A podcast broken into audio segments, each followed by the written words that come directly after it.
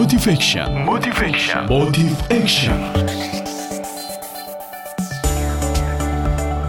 Assalamualaikum warahmatullahi wabarakatuh Mitra Muslim Kata-kata yang keluar dari mulut kita adalah cerminan apa isi kepala kita Kali ini saya akan fokus pada kata-kata susah, sulit, angel Mengapa kata-kata tersebut tidak recommended untuk dipakai dalam kehidupan sehari-hari?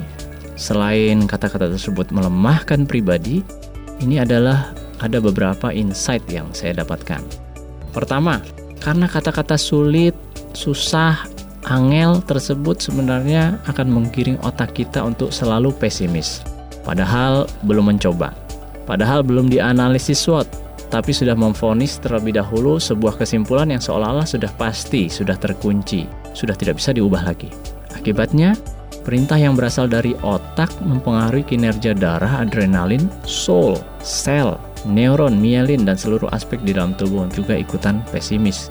Kedua, karena kata-kata susah, sulit, angel sebenarnya mematikan potensi diri kita. Kerap kali sebenarnya potensi dan skill kita mumpuni untuk menaklukkan suatu tantangan, namun kita justru mematikan potensi diri kita sendiri dengan mengunderestimate potensi terselubung kita itu. Kalau tidak pernah dicoba, bagaimana kita bisa tahu seberapa besar potensi dalam diri kita? Allah memberikan banyak kelebihan pada diri manusia dan tugas kita mengeksplorasi di bidang apa keunggulan kita. Ketiga, karena kata-kata susah, sulit, angel tersebut sebenarnya membuat kita jadi membuang-buang kesempatan besar yang lewat di depan mata.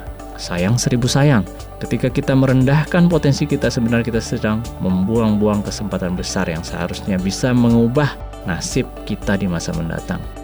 Kesempatan emas biasanya tidak datang dua kali. Keempat, sebenarnya jika kita praktikkan rutin bisa jadi role model yang buruk bagi anak kita. Tanpa kita sadari anak kita mengkopi semua perkataan kita.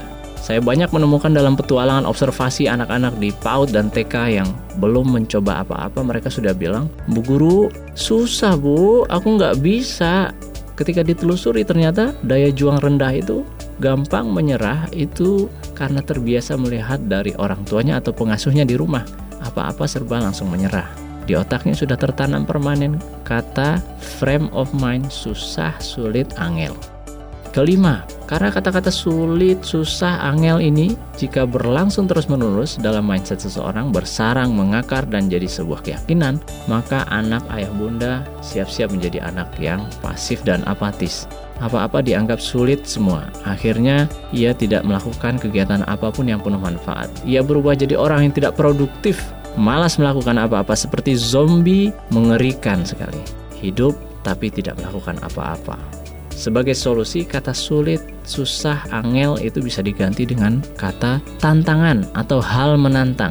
Misalnya saat menghadapi suatu kondisi sulit karena jalan yang dilalui saat main sepeda berdua dengan anak terlalu becek misalnya, anak kita melihat itu sulit dilalui, maka kita bisa ucapkan begini. Kondisi jalannya cukup menantang ya dek. Yuk kita coba taklukkan tantangan ini berdua. Insya Allah bisa asal berusaha. Kita kerjasama ya. Jangan lupa Mulai sekarang kurangi kata sulit, susah, angel, baik di rumah dengan anak, istri, suami, di kantor, di masyarakat, atau di mana pun Anda berada. Silahkan gunakan kata-kata tantangan atau hal menantang.